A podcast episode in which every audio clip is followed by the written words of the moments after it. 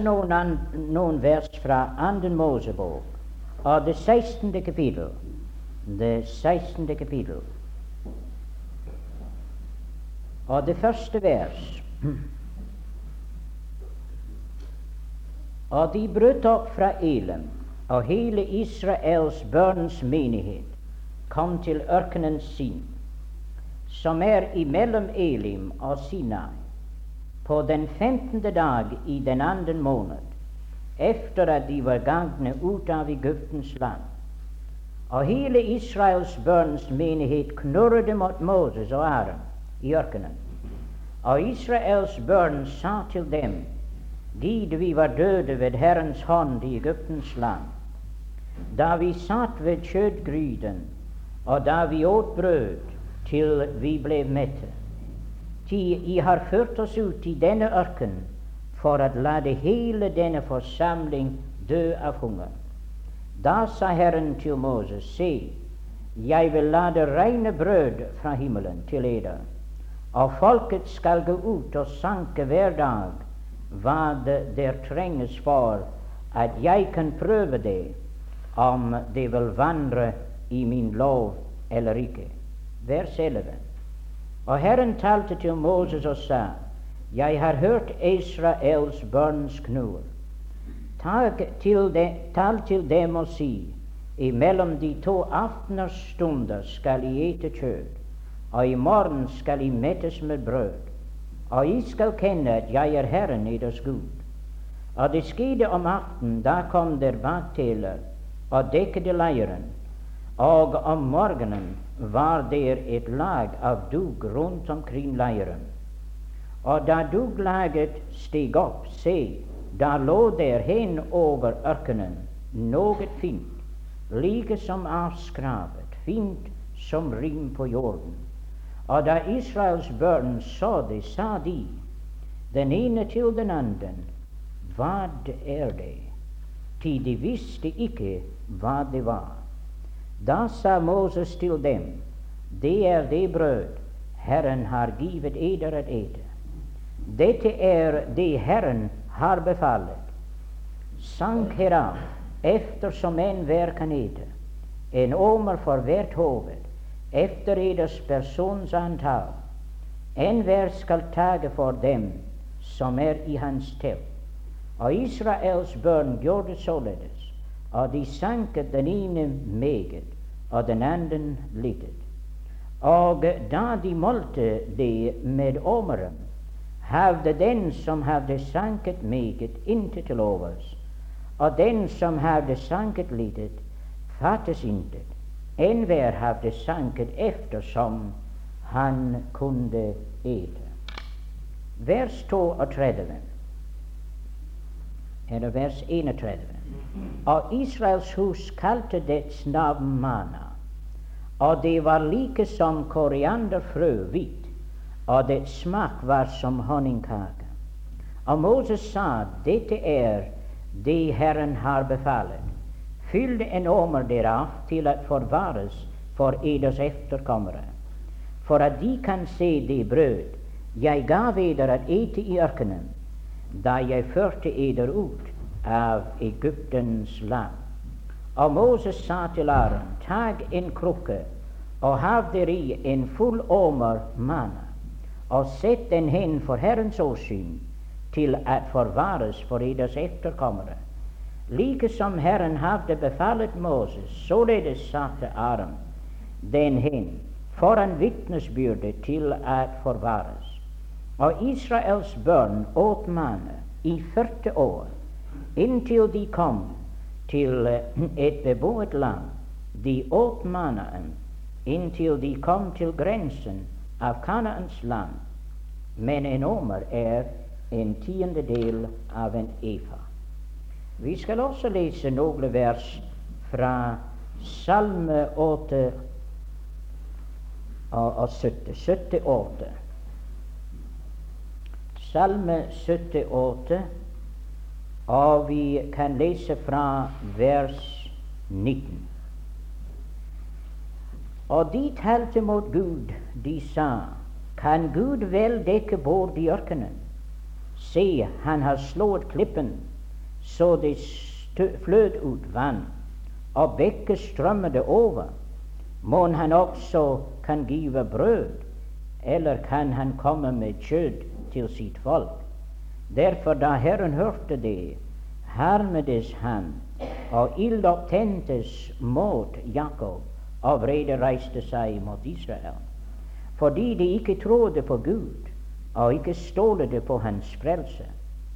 Og han gav skyene der oppe befaling, og åpnede himlenes porter, og han lot mannen regne over dem til føde, og gav dem himmelkorn, englebrød åt enhver. Han sendte dem næring til mettelse. Vi leser noen vers nå i Johannes evangelium. Johannes evangelium av det sjette kapittel. Og vi leser fra vers 30, 30. vers. De sa da til ham, Hva tegn gjør du da, så vi kan se det og tro deg? Hva gjerning gjør du? Våre fedre åt manna i ørkenen. Som skrevet står, han gav dem brød fra himmelen at ete. Jesus sa til dem, Sannelig, sannelig, sier jeg eder, Moses har ikke givet eder brødet fra himmelen, men min Fader giver eder det sanne brød fra himmelen. Til Guds brød er det som kommer ned fra himmelen, og giver verden liv. De sa da til ham, Herre, giv oss alltid dette brød. Jesus sa til dem, Jeg er livsens brød. Den som kommer til meg, skal ikke hungre, og den som tror på meg, skal aldri noensinne tørste. Vers 47. Sannelig, sannelig, sier jeg eder, den som tror, har evig liv. Jeg er livsens brød. Eders fedre åt mann i ørkenen og døde. Dette er det brød som kommer ned fra himmelen, for at man skal ete av det og ikke dø. Jeg er det levende brød som er kommet ned fra himmelen. Om noen eter av dette brød, skal han leve evinnelig. Og det brød jeg vil give, er mitt kjød, som jeg vil give for verdens liv. Jødene trettet da med hverandre og sa, hvorledes kan han give oss sitt kjød at ete? Jesus sa da til dem, sannelig, sannelig, sier jeg eder, dersom vi ikke eter menneskesønnens kjød og drikker hans blod, har ikke liv i eder. Den som eter mitt kjød og drikker mitt blod, har evig liv, og jeg skal oppreise ham på den ytterste dag. Til mitt kjød er i sannhet mat, og mitt blod er i sannhet drikke. Den som eter mitt kjød og drikker mitt blod, han bliver i meg og jeg i ham. Like som den levende Fader har utsendt meg, og jeg lever ved Faderen, Således skal også den som eter meg, leve ved meg. Dette er det brød som er kommet ned fra himmelen, ikke således som fedrene åt og døde. Den som eter dette brød, skal leve evinnelig. Nå må Herren rikeligen velsigne for oss lesningen av sitt dyrebare ord.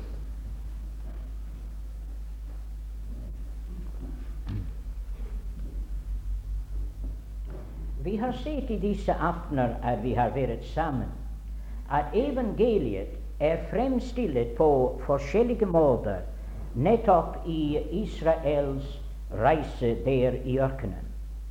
Det er like som om det er to store ting som Gud har på hjertet. At åpenbare for mennesker hva de er i seg selv, men samtidig at åpenbare for oss hva Herren er. Og gjennom disse bilder, som vi allerede har hørt lest opp, disse profeter de skrev drevet av Den hellige ånd. Og de begivenheter som de forteller oss, var alle sammen illustrasjoner om den store frelse der skulle komme. Endog profetene, da de skrev om disse ting, de gransket deres egne skrifter for å vite hva for en tid, og på hvilken måte, og hva for et folk de tjente. da de skrev om Kristi lidelser og herligheten der kommer etter. Så da vi ser i disse bilder, vi finner at de er illustrasjoner angående de himmelske sannheter. De var jordiske erfaringer for Israel, men de har en himmelsk betydning for oss. Da Paulus nevner denne begivenhet i 1. Korintier 10, han sier de åt av den samme åndelige mat. Så han sa det like frem at den hadde en åndelig betydning. Her finner vi at Jesus selv og jødene de nettopp diskuterer denne begivenhet om at de fikk manna i ørkenen. Og nettopp fra denne illustrasjonen den Herre Jesus han bygger et av de store sannheter som Johannes evangelium inneholder. Det viser seg at Johannes evangelium har kanskje mer av ørkenens vandring enn du og jeg kunne tenke. Jeg har alltid gledet meg over å se de bilder over tabernaklet i Johannes evangelium. Men jeg finner også at han har de bilder fra ørkenen i Johannes evangelium. Til eksempel, vi leser at Johannes døperen taler om dette ord 'se det Guds lam'. Så det var et bilde på lammet i Egypten. Men ikke alene dette, men Kristus selv. Da han talte til Nikodemus, han sa dette, at som Moses opphøyet slangen i ørkenen, så må menneskesønnen opphøyes.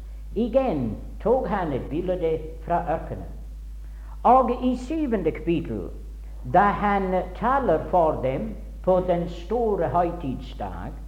Han ropte og sa, om noen tørste, han kommer til meg å drikke. Han nemlig bringer frem for oss dette herlige bildet da klippen ble slått og de levende vann strømmet ut. Men her i sjette kapittel Johannes evangelium, han går til den begivenhet i ørkenen og han tar fra denne begivenhet i ørkenen den store undervisning om evangeliet og hva Gud har i sin nåde gjort for oss mennesker. Så det er godt å se dette, at evangeliet er fremstilt på en klar og tydelig måte. Jeg har ingen tvil om dette, at Gamle testamentets bilder alle sammen fremstiller dette evangelium. Endog i Første Mosebok, da vi leser angående de syv fremragende menn i Første Mosebok, jeg kan ikke se annet enn at hver av dem fremstiller en side av sannhet. Det vil si at vi finner at Adam han kommer til syns erkjennelse.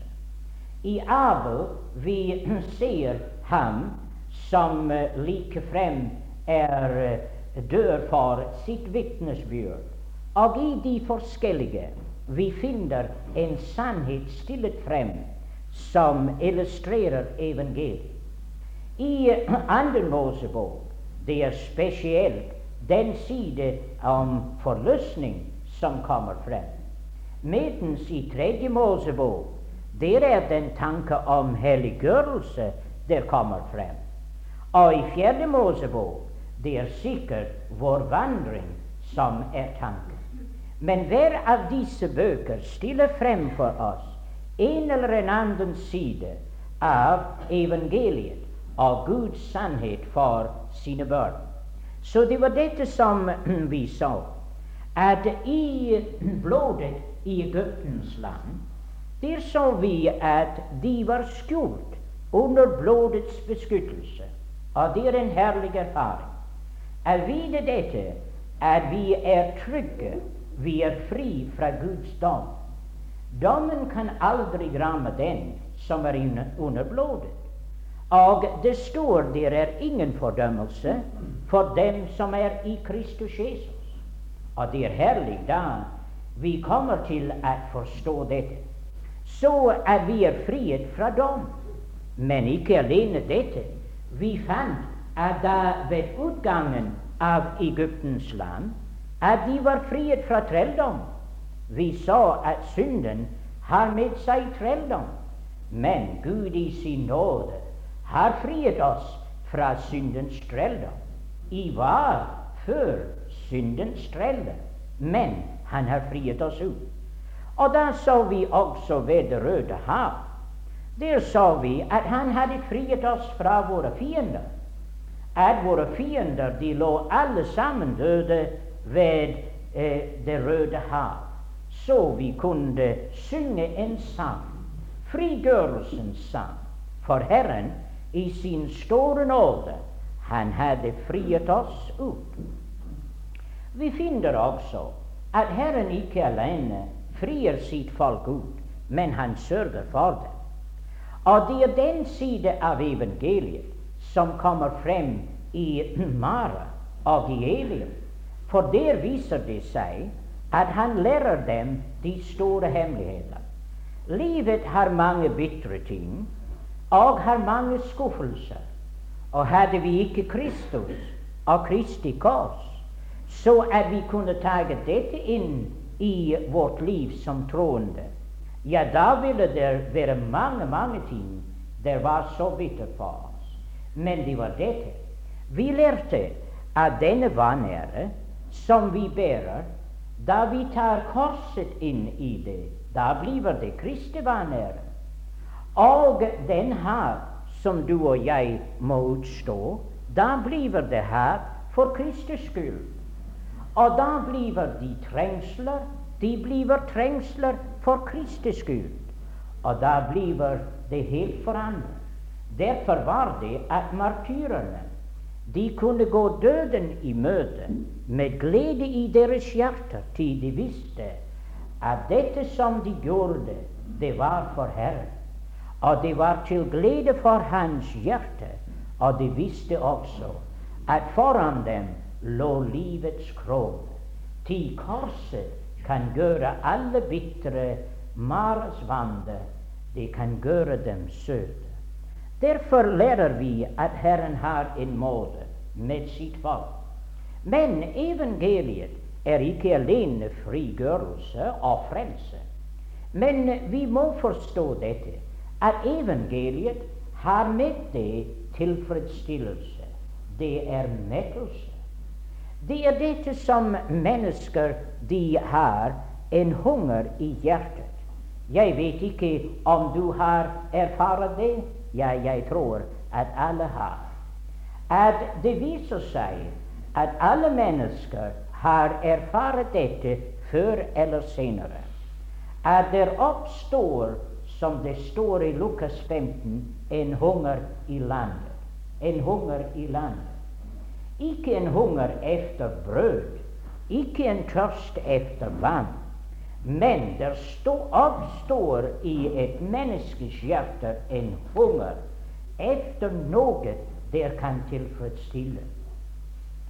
Denne unge mann han prøvde på å tilfredsstille denne hunger ved å forlate faderhuset og så gå ut til det fremmede land. Men han fant at i det fremmede land at det var nettopp det. Han fant at det var en hunger. Han prøvde på å mette seg med de skalmer som svinene åt, men det kunne aldeles ikke tilfredsstille hans hjerte. Har vi ikke alle prøvd det? mer eller mindre. Hvor er det mennesket som ikke har prøvd på å finne mettelse i denne verden? Hvorfor er det at vi ser den rastløshet iblant mennesker av den higen etter denne verdens ting? Hvorfor er det? Det er fordi, min venn, at det er en hunger i din sjel som du kan ikke bli mett av det som er i denne verden. Og det ville være godt for deg om du kunne forstå dette. Ja, at du kunne forstå det, min venn, eh, så snart som mulig, så at du kunne få den makt som virkelig er for din sjel. Vi finner at da de var i Egypten, da hadde de den mat som Egypten giver. Men de hadde også den trelldom der hører med til Egypten. Og det må du ikke glemme, at skal du gå syndens vei, og skal du mette din sjel av syndens mat, du må også regne med at det går med det syndens trelldom. Men da kommer det en tid at du er trett av den byrde og den trelldom. Og du finner at du har likefrem smedet lenker som binder deg fast, og du vil gjerne være fri. Den unge mann som tok den første snaps, han regnet ikke med at han skulle være en slave av sterke drikk, men det ble så. Men det var det han gjorde. Han smedet sine egne lenker likefrem, fordi han vil ha Egyptens mat. Men han måtte også forstå at Egyptens trelldom følger med Egyptens mat. Endog de troende samme tider glemmer dette. De tror at de kunne også have Egyptens mat uten Egyptens trelldom, men det kan ikke la seg gjøre. Og derfor er det de glemmer. De husker Egyptens mat, men de glemmer Egyptens trelldom. Således var Israel. De kunne huske hva de spiste der nede i Egypten, men de glemte Egyptens trelldom. Og det er så lett å gjøre. Men her finner vi at Herre i, Herren i sin store nåde Han så hvordan det var med dem. Tror du ikke at han visste at dette folk at de hungret? Ja, det tro, tror jeg. Og hadde de ventet Guds tid og Guds måte, så hadde de også fått. Har du ikke lest om en annen person det var i ørkenen og var hungrig? Han var hungrig i 24 dager. Det var han. Nå, dette folk her hadde kanskje vært to måneder i ørkenen, men de hadde ikke vært uten mat i den tid. Men Herren han var 24 dager i ørkenen uten mat, og han var hungrig. Og da var det at Satan kom til ham og prøvde ham. Og det er nettopp da vi er i ørkenen, og da vi er hungrige, at Satan han vil prøve oss.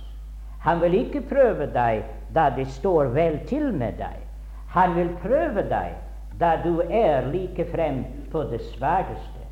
Og da kommer han til Jesus, og han sier, 'Du kan gjøre disse steinene til brød.' Du behøver ikke være hungrig.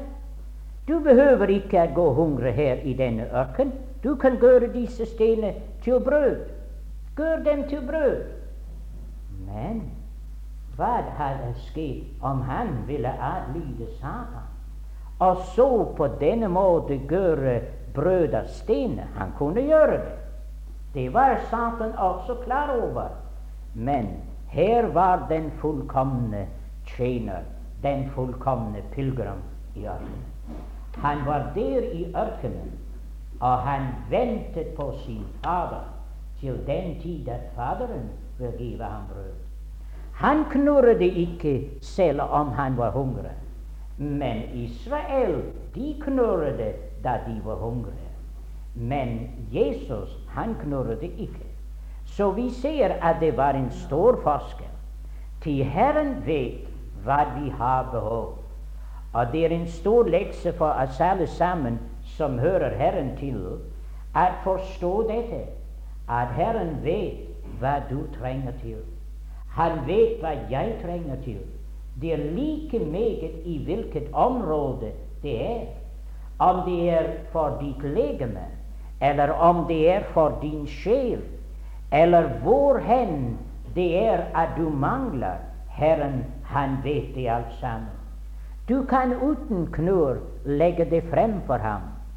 Du kan godt minne ham om det, og det er sikkert du vil finne dette, at han vil mette din sjel. Hva var det som Hanna sa? da hun hadde lagt sin sag frem for Herren, da var det at han fikk svar. Og hun kunne si dette, ja, at Herren nettopp han metter den hungrige sjel. Og hva var det Marie sa? Hun også bruker de samme ord. Og hun sier at Herren han metter de, de, den hungrige sjel med gode gaver, men det rike han sender tomhendet bort. Se, Herren vet at vi mennesker hva vi trenger til. Han vet at det er hungrige sjeler, og det er ikke en hungrig sjel på dette møtet i aften, og Herren ikke vet om det. Om du er ennå uomvendt og har ikke kommet til å få mettelse i Kristus, Herren vet dette. Er du et Guds barn, og for en eller en annen grunn du finner at det er en tomhet i ditt hjerte, Herren vet. Du behøver ikke å knurre over det. Han vet det. Og han venter kun at du vil innrømme den tomhet. Han venter kun at du vil erklære deg for litt, og han venter kun at du vil be ham om brød. Og vi leser om at hvis en ber om brød, så vil man ikke gi dem en sten. Og eders himmelske Fader, om I beder om brød, han vil heller ikke give sten. Nei, han vil give deg det som din sjel begjærer.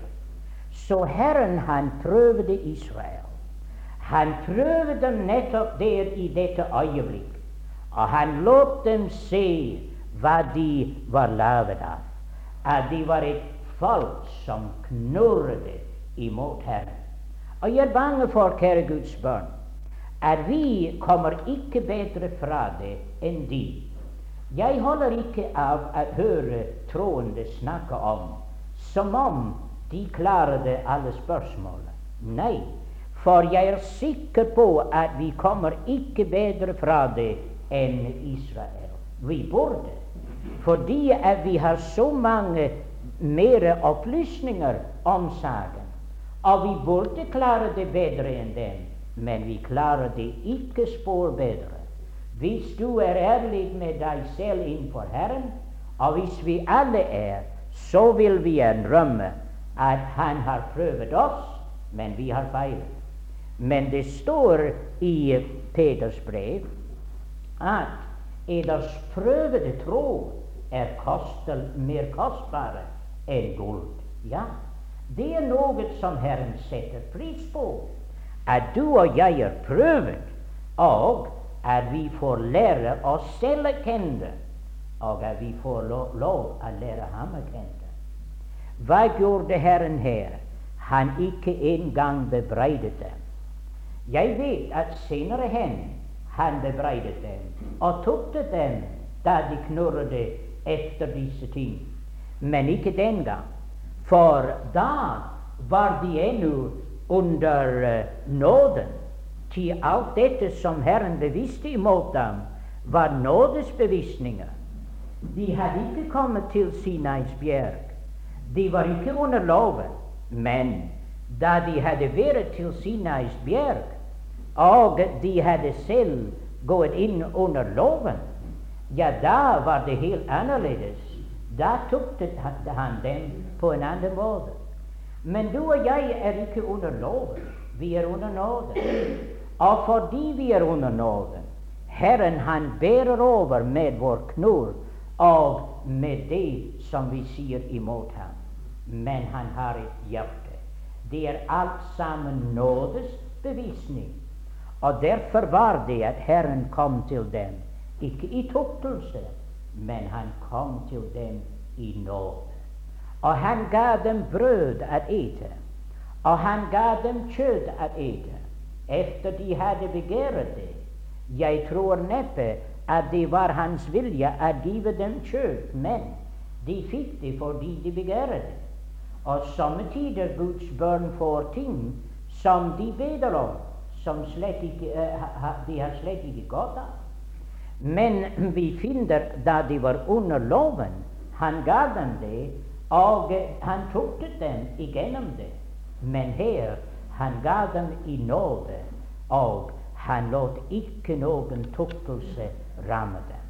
Så kjære Guds barn, la oss forstå dette, at Herren, alle hans gaver, at de er i nåde, uforskyldte nåde. Men hvordan skulle det skje? De sier, kan han dekke et bord i ørkenen? Kan han dekke et bord i ørkenen? De trodde at Gud var begrenset, ikke sant? Det gjør mange Guds barn også. De sier 'kan Gud', 'kan Gud'. Og det er et stort spørsmål. Kan din Gud? Jeg husker som ganske ung, da kampen stod i min sjel om jeg skulle blive som jeg er, gått ut med evangeliet. Jeg kjempet om denne sak, for jeg var ikke villig til å gå. Jeg mente at jeg kunne ikke og at det var så mange andre der bedre kunne. Og jeg følte det var ikke meg. Men Herren ble ved å minne meg. Det er det. Men jeg sa jeg kan ikke. Jeg simpelthen kan ikke. Men da jeg hadde kjempet en natt til det var jo snart uh, morgen, da bad jeg Herren om bøyet meg og sa hvis det er så, vel, la meg få klarhet om denne sak. Jeg åpnet min bibel. og det var Daniels sjette kapittel. Jeg tenkte hva er det der blant alle disse profetier for en sånn stakler som meg? Men jeg leste det allikevel, og da kom jeg til dette som det står. Daniel Daniel, kan din Gud formå? På engelsk lyder det således Is thy God able? Ved andre ord kan din Gud. Det var ikke spørsmål kan du, men det var spørsmål kan din Gud. Jeg lukket min bibel. Jeg bøyet mine kne. Jeg takket Herren, og jeg lagde meg på alteret der for at han vil bruke meg for det han kunne. Det var spørsmål kan din Gud. Å, kjære Guds barn, det er jo spørsmål i dag. Det er ikke spørsmål kan du. Og det er så mange av Guds barn i dag, og det er derfor at det går så galt med dem. Du har prøvd i egen kraft både det ene og det andre, men du kan ikke. Det er ikke spørsmål om kan du. Det er spørsmål kan din Gud. Overlat deg så til ham, og han kan. Kan Gud dekke et bord i ørkenen, sier det? Det var et merkelig spørsmål, om Gud kunne dekke bord i ørkenen. De må ha glemt at Gud dekker bord både i ørkenen og ute på havet og rundt om i hele verden hver eneste dag. Ikke sant? Vi har en sang på engelsk og det går ut på dette at ved hans bord der sitter både mennesker og dyr og fugler og alle sammen, og de blir mett hver eneste dag. Han dekker et bord hver eneste dag. Så hvorfor skal vi jo si kan Gud dekke bord i ørkenen? Jo, han kunne dekke bord i ørkenen. Og akkurat som han har dekket bordet for mennesker og dyr på denne måten, så vet vi også at den store himmelens Fader at det er brød nok i Faderhuset. Det er ikke fordi at himmelen er fattig, min venn. Om du ikke er mett i din sjel, det er ikke fordi det ikke er brød nok i Faderhuset, men det er bare fordi du er ikke kommet til Faderhuset. For ellers, hvis du var kommet til Faderhuset, så skulle du være akkurat som den fortapte sønn. Han ble benket ved bordet der, og han fikk det beste som huset hadde. Og det tror jeg at Gud i sin store nåde har gjort for oss i denne tidshusholdning. Han har givet oss en plass ved Hans bord, og han har givet oss det beste som himmelen hadde.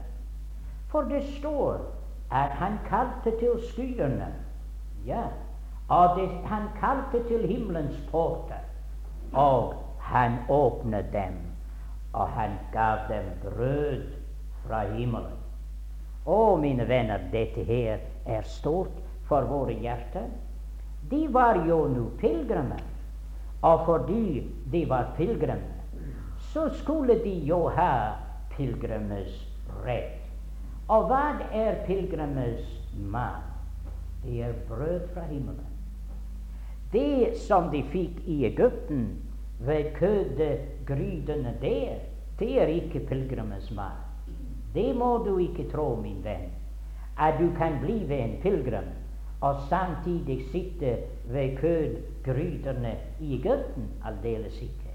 Du forstår ikke hva du er kalt til, min venn. Du er kalt til å være en pilegrim, og du har noe herligere enn Egyptens mat å ete. Du kan få noe bedre. Hva er det? Det heter brød fra himmelen. Ja, men, sier du, brød fra himmelen. Måtte dette til?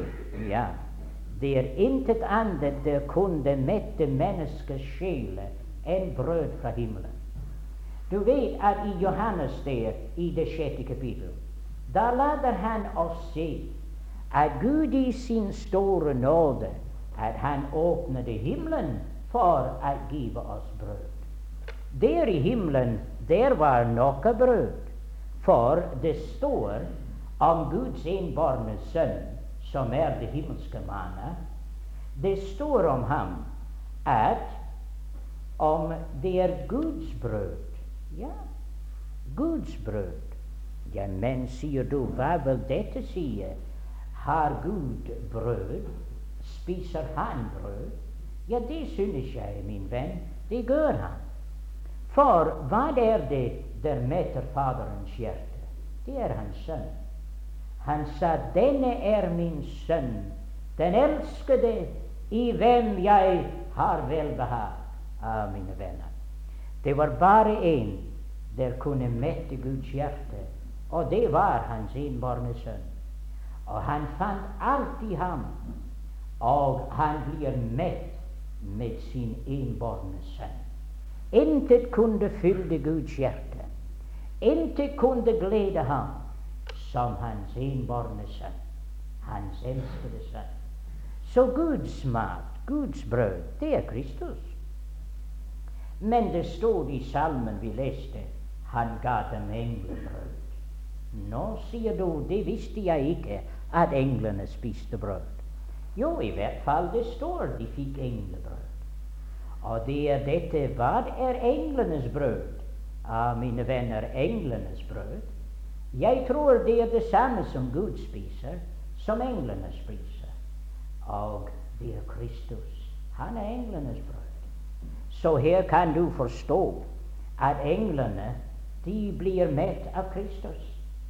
Det er intet mindre enn Kristus for dem. Så du kan tenke deg at himmelen ble mett av Kristus, og englene ble mett av Kristus. Alt i himmelen, de finner deres alt og alt i Kristus. Men Himmelen vil aldri beholde det som er gått til seg selv. Nei, himmelen må åpnes. Og så en dag kom der brød fra himmelen. Og det kom i form av et barn. Det ble født i Betlehem. Det var himmelens brød. Og vi ser hvordan at englene de sang. Og de ser den himmelske fryd tid nå var himmelen villig til å dele sitt brød med denne verden. Og dette er evangeliet. At himmelen er villig til å dele sitt brød med denne verden. Han gav dem brød fra himmelen. Nå, det er dette som Kristus sier, at dette brød er det brød som kommer ned fra himmelen. Og det er intet annet brød som kan mette ditt hjerte, min venn. Du kan prøve hva du vil, og du vil finne dette. Du kan prøve alle verdens sprukne brønner. Du kan prøve alle de gleder og fornøyelser som verden giver. Men jeg spør deg innenfor Herren er du tilfreds? Er du med? Nei, det er du ikke. Og om du prøver det inntil din siste dag, du skal finne at det metter ikke. Hvorfor veier I penger ut for det som ikke er brød, sier profeten? Og eders er vær for det som metter ikke? Akkurat. Og det er dette som mennesker gjør i verden i dag. De veier deres penger ut for det som ikke er brød. Og de veier deres og bruker deres erverv og deres krefter for det som ikke metter. Men alt den tid er det brød nok i overflod for deg om du vil bare komme. Men mennesker, de vil prøve verden. Men min venn, du skal finne at det giver ingen glede.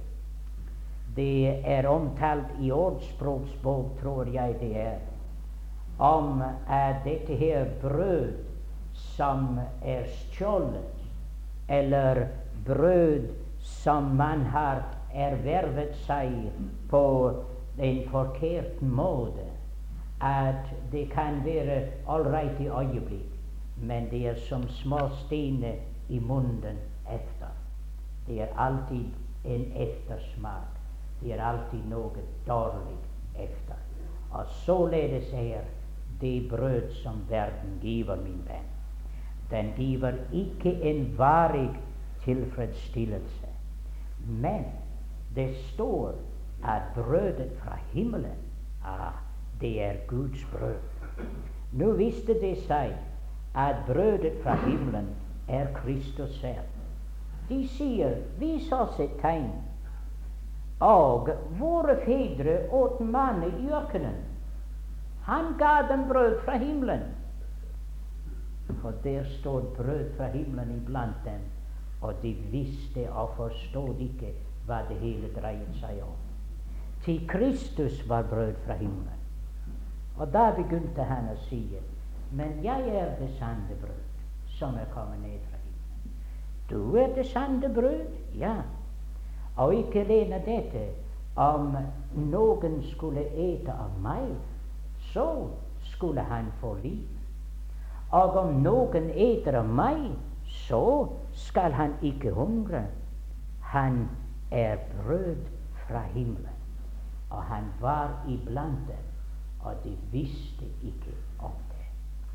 Så, mine venner, se, saken er dette at evangeliet forteller oss at du og jeg kunne ikke finne den sanne tilfredsstillelse i denne verden.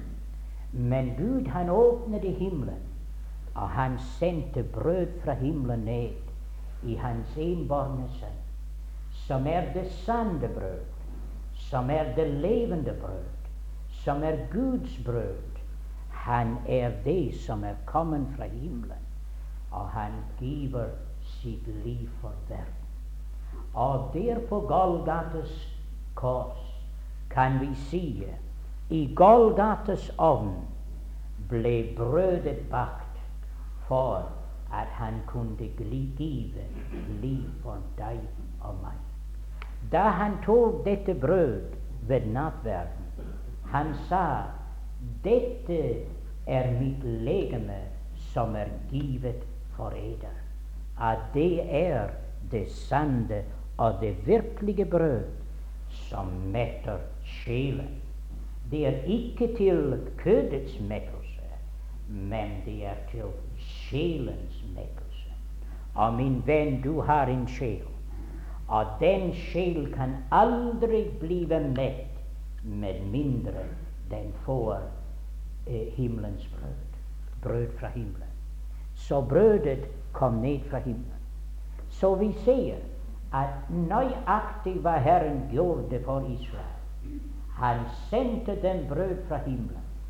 At det var en illustrasjon av hva han har gjort for denne verden. Han sendte sin sønn fra himmelen, og Kristus, han ble brød fra himmelen. Her i denne verden for oss mennesker. Men brødet, den kunne komme ned. Men allikevel disse folk ikke på noen måte kunne nyte det. Men det herlige ved dette var at brødet, den kom så nær til dem at de kunne samle det. Forstår, om dette brød var fallen mange mil bort, og da måtte de drage av sted til et annet sted for å få den. De kunne alle sammen falle død om i ørkenen innen de nådde. Men Herren, han lagde det rundt om deres telter. Stille, den falt ganske stille. Det var jo ikke noen stor støy ved det hele.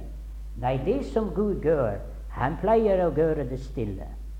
Og akkurat som dugg faller når alt er stille, så falt det himmelske manet rundt omkring. Da de våknet om morgenen, det var. Ja. Og dette er hva er skjedd til denne verden. Ganske stille, mine venner. Uten noen stor støy eller dette kom det himmelske brød til denne verden. Og han gikk til Golgates kors. Han døde i ditt rom og i ditt sted. Han stod opp igjen fra det døde. Men, mine venner, det hele er skjedd, og man kan nesten ikke forstå at det er skjedd. Det var ikke på denne måte at verden ville innstifte deres religion. Nei, det skal innstiftes med veldig stor støy og larm. Men han kom i stillhet til denne verden, brød fra himmelen. Men det herlige var det falt rundt om teltene, så at endog de små barn de kunne også samle det. Alle kunne samle det der rundt omkring. Og er det ikke herlig at det står i Romerbrevet ordet er deg ned i din munn og i ditt hjerte. I burde være glad her i dette land at evangeliet er kommet så nær til eders telte, at det himmelske manet like frem er kommet innenfor rekkevidden av alle sammen, så at eldre kan få det, og unge kan få det, ja, små barn kan få det. Alle kan få det himmelske brød. Er det ikke velsignet at Herren, Han gjør det så lett? Det er så lett. Det var jo ikke således eh, så lett kanskje med dette her kjød som de hadde. Nei, for det var sikkert et hel masse arbeid med det. Men manna, de skulle bare gå ut. Og samle det, samle det, ta imot det. De sier 'hva er det'? Ja, det er betydning av manna. Manna nettopp er det ord. Manna, hva er det? Så det stod som et spørsmål. Hva er det? Ja, hva er det, mine venner? Hva er evangeliet? Evangeliet er Kristus. Det er himmelens gave for verden.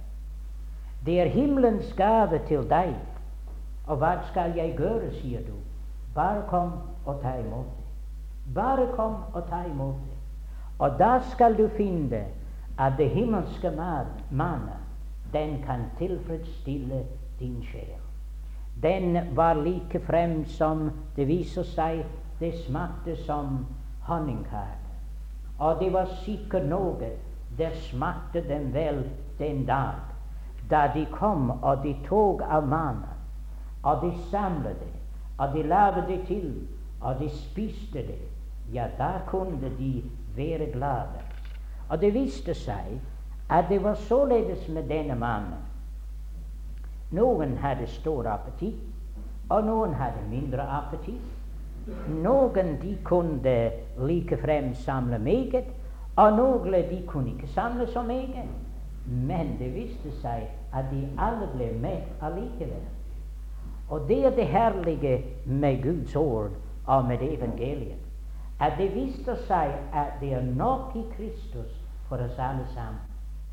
Det er ingen som er så hungrig at Kristus kan ikke mette deg.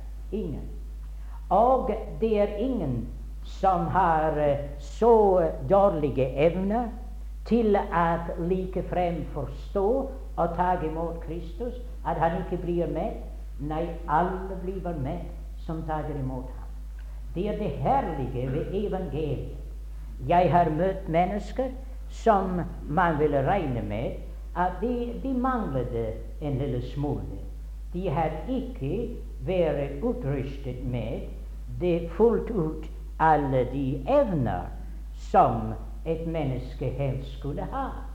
Men, mine venner, de kunne finne nok i Kristus og glede seg i ham. Jeg har møtt og talt med noen som man regner for vitenskapsmenn og store menn, professorer og alt dette. Men de fant at det var nok i Kristus at møte deres behov. Er det ikke står? At endog det fattigste emne kan Kristus møte deres behov. Og den som har store evner, akkurat det samme. Han er rik nok for alle dem som påkaller ham. Og min venn, det er dette som er så herlig ved evangeliet, at de kan møte alles behov. Det er ingen der behøver å gå sulten, til han metter den hungrige sjel. Og all den lengsel i ditt hjerte du skal finne i Kristus. Det ble også sagt til dem at de skulle samle en, en, en uh, mål av dette, og den skulle føres inn og settes innenfor forhenget, inn i det aller helligste sted.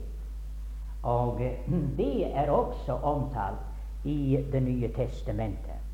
Herren sier til den menighet der var i uh, Pergamos, om jeg husker riktig og han sier dette til dem, at den som seirer, vil jeg give av den skjulte mannen. Den som seirer.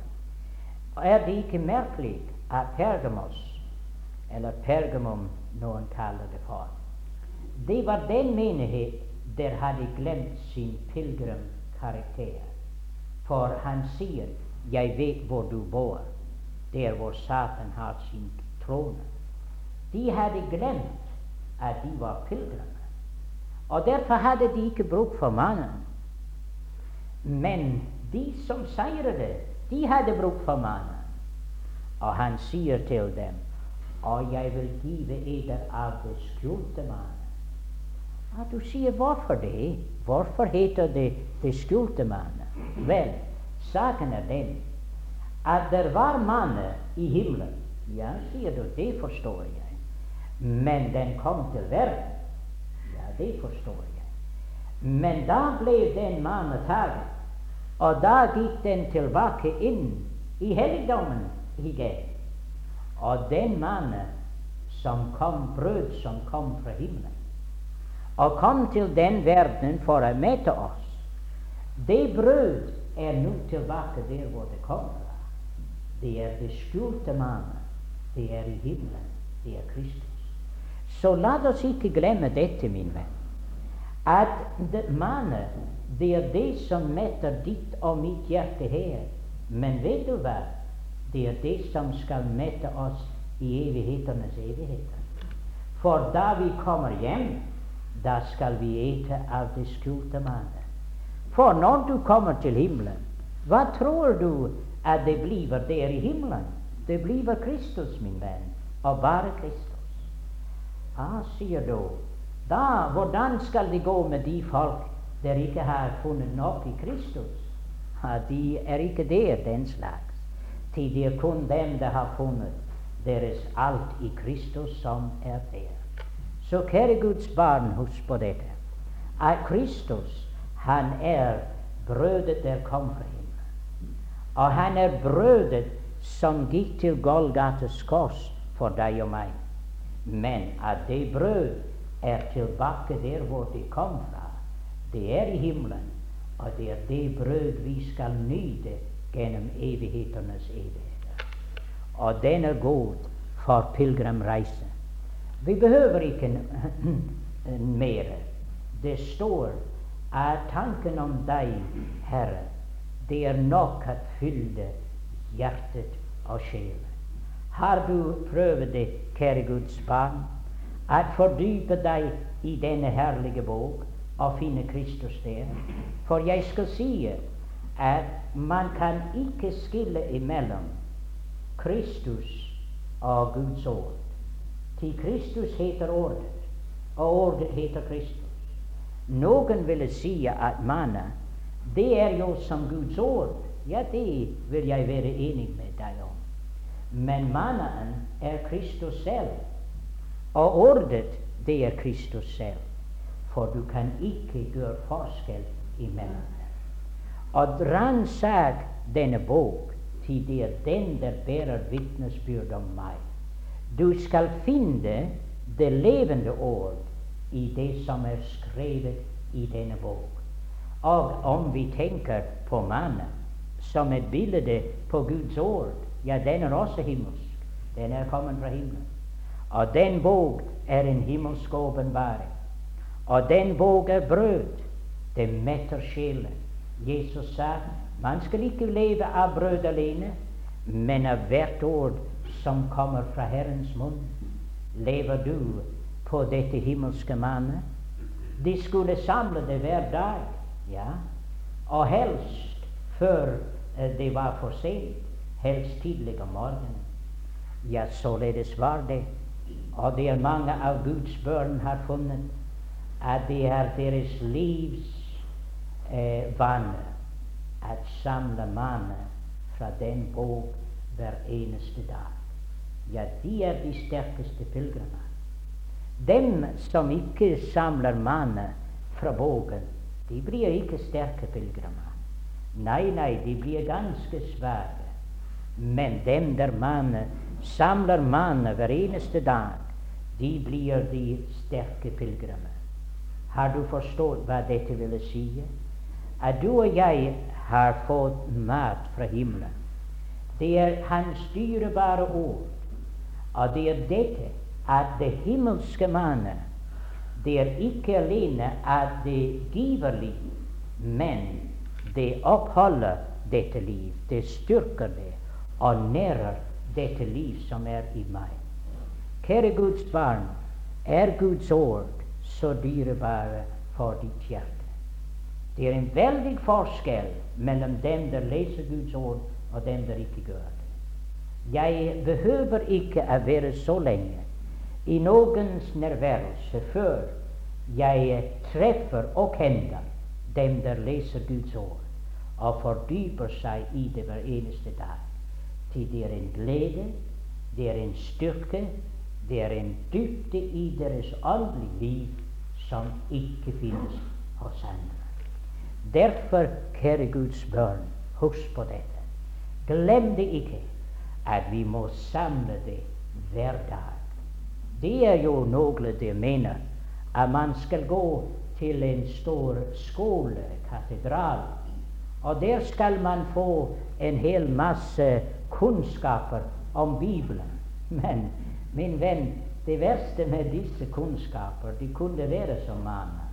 Forstår? mannen, den var ikke for å samle på.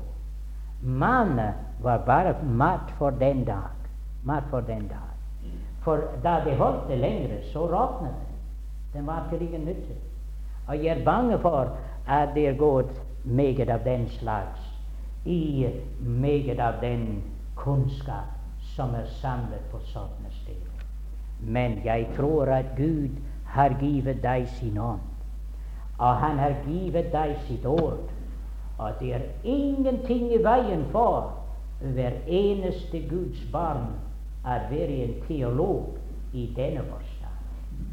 En teolog i Sverige en gang, han spurte meg hva for et universitet det var jeg hadde vært på.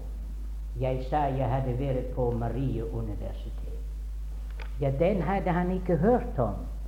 Han uh, hadde hørt om Christ College og Jesus College i England, men Marie universitet, den hadde han ikke hørt om. Nei, det kan jeg nok tenke meg, mine venner. Han hadde ikke hørt om den.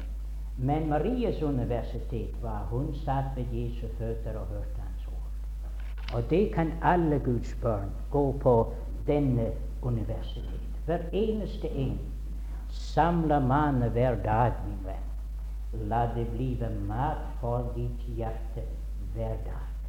Og det er intet der kan styrke Guds pilegrimer som Guds ord. Til det er dette Han har givet oss til vår vandring i ørkenen. Men husk på dette Kristus er det himmelske mann. Og han sier at han er det levende brød, for han giver liv. Det er dette brød som du og jeg spiser. Det kan jo uh, styrke oss da vi har liv, men det kan ikke give liv. Men det er det herlige med dette brød. Når man spiser det, så får man liv. Så får man det evige liv. Og hvis man ikke spiser det, så får man ikke det evige liv. Jesus sa uten at I eter menneske, eh, eh, mitt kjød og drikken mitt blod, har jeg ikke liv i eder.